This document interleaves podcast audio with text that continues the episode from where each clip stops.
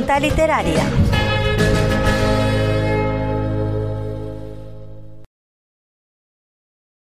Un vino de muerte. Relato de Leo Gutiérrez, escrito en la revista de la Asociación de Estudios Monoveros. Discurría el decimosexto día del mes cuando Vicente despertó y fue directo hacia el sótano de la bodega. Caminaba descalzo, con cuidado para no pisar los charcos que se formaban al servir el vino con las garrafas de los clientes. Vicente iba despeinado, con la camisa desabrochada y un pantalón vaquero antiguo. Cogió el chato de la estantería y lo puso bajo el grifo del tonel. Vertió el vino dentro del chato y se lo llevó lentamente hasta sus labios. Era un ritual que repetía desde que tenía dieciséis años, pero aquella vez el sabor le supo distinto. El vino formaba parte de la vida de su familia, Siempre estaba presente, desde la mañana hasta la noche. Estaba en la mesa cada día del año, en cada celebración. El vino era su fuente de ingresos. La bodega familiar había pasado a su poder y daba gracias a Dios, porque no sabía hacer otra cosa mejor que llevar este negocio. Cuando fue a servirse el segundo chato, emanó un fino hilo de color burdeos. ¡Demonios! ¿Qué le pasa al grifo? Le dio unos golpes suaves con la palma de la mano. No lo entiendo. Hasta ayer iba de lujo. ¿Qué ocurre, papá? preguntó Pilar al ver a su padre atizándole al grifo. El cachivache este parece que se ha atascado. Déjame ver a mí, ya sabes lo poco mañas que eres. Pilar abrió el grifo con la mayor suavidad posible, y cuando empezó a caer el fino chorrillo, salió un trozo de tela muy pequeño. Papá, creo que está obstruido. ¿Arreglaste los listones de arriba? Se me pasó, hija. Yo no puedo hacerlo todo, ya es hora de que vosotras también echéis una mano en la bodega. Tanto estudio y tanto quedar con las amigas. Vicente cogió la escalera y la acercó a la barrica. Súbete, hija, que tú estás más delgada. No creo que los peldaños de arriba soporten mi peso. Pilar se subió a regañadientes. Ella tampoco se fiaba de los últimos peldaños, ni siquiera para su propio peso. Al llegar al techo del tonel, apoyó todo el peso del cuerpo contra la escalera y alargó las manos para mover el listón roto. Papá, aparte del listón roto hay varios sueltos. Primero apartó el roto, y luego los sueltos. Al asomarse dentro de la barrica de roble vio que quedaba un tercio de la cantidad, y que un cuerpo extraño flotaba en él. Hay algo flotando. Alcánzame esa vara de ahí. Vicente le acercó la vara de unos tres metros de largo.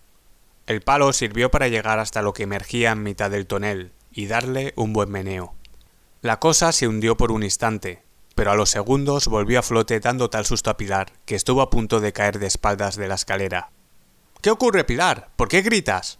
Hay un. un. un qué, hija? un cadáver. Pilar dio un brinco para bajar de la escalera y se abrazó a su padre, pero éste la apartó con el brazo y fue hasta la esquina para vomitar. He bebido de ese tonel, dijo antes de volver a lanzar un chorro morado por su boca. Ve a tomar un poco de agua y no hables de esto con nadie. Pilar salió corriendo en busca de un poco de agua, aunque más bien le hubiese venido mejor un litro de tila. Mientras, Vicente se esforzaba por no volver a vaciar el estómago. De pronto sonó el teléfono de la pared. Vicente, soy el sacristán. ¿Has probado el vino que te llevaste ayer? Ni se te ocurra beber de él. Por eso te llamaba. ¿Que no beba? Pero si es el mejor vino que he probado en mi vida. ¿Te burlas de mí? ¿Seguro que está bueno? Prometido, Vicente. Esta misma mañana lo probarán todos mis feligreses. Pues nada, solo te llamaba para felicitarte. Tras colgarle al sacristán, se quedó ensimismado. Recibió más llamadas. Todas ellas eran de personas que habían ido a llenar sus garrafas el día anterior y coincidían en el tonel que contenía el cadáver. Hija, dijo Vicente cuando llegó Pilar.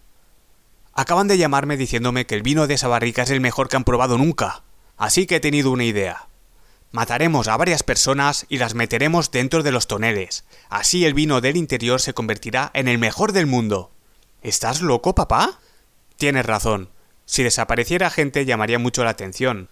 Venga, no te quedes callada y dame una idea. Pilar no dijo nada, atormentada por las oscuras intenciones de su padre. Ya lo tengo. Podríamos robar cadáveres del cementerio. Entonces Pilar le advirtió que vaciar tumbas del cementerio también llamaría la atención. Pero si robaban los cadáveres de personas no reclamadas, sus planes podrían salir bien. Así que esperaron a que cayera la noche para saltar el muro del cementerio y cargar con un cuerpo sin nombre. Papá, ¿Somos como Burke y Har? ¡No! Esos son unos mindundis comparados con nosotros. Entonces Pilar le explicó quiénes fueron Burke y Har.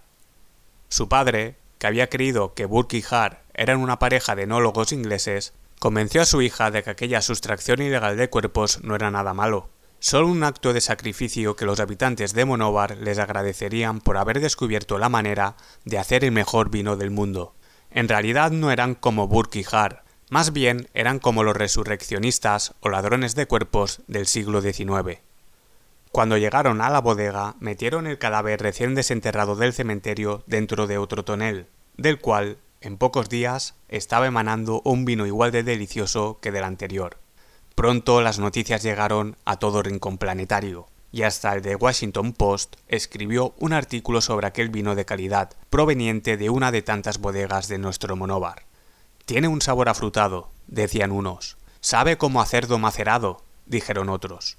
Pero todos coincidían en que era un sabor único y adictivo. ¿Se atreverán ustedes a probarlo?